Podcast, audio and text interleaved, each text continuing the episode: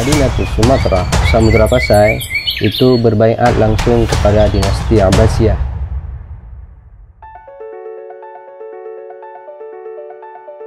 Innana ma'asyir sukanu iklim Aceh. Kami ini penduduk Aceh, balwa jami' jazirati Sumatera, bahkan seluruh penduduk pulau Sumatera, kulluhum, mereka semua itu mahsubina min riayat daulatil aliyah Usmaniyah. Mereka itu tergolong sebagai rakyatnya daulah negara adidaya Usmaniyah, jilan ba'da jil.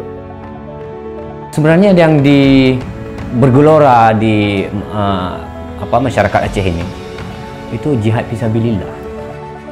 Beberapa tokoh pribumi menjadi anggota di Jamiat Khair. Sementara Jamiat Khair ketika itu punya hubungan yang sangat kuat dengan Turki Utsmani.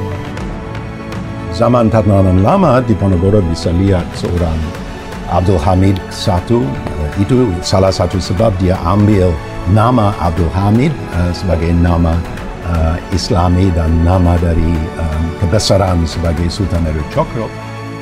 Sistem perpolitikan Islam memang landasannya seperti itu.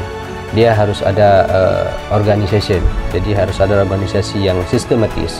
Jadi puncak ke, ke, uh, kepemimpinan terbesar dunia Islam tetap dipimpin oleh khalifah.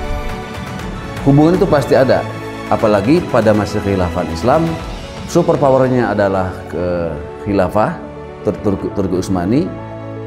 Islam ini tidak akan kuat kecuali dengan adanya jamaah, dengan adanya persatuan. Dan tidak mungkin umat ini bisa bersatu kecuali dengan adanya imarah, adanya khilafah, adanya kepemimpinan. Dan tidak mungkin adanya imarah kecuali dengan adanya ketaatan.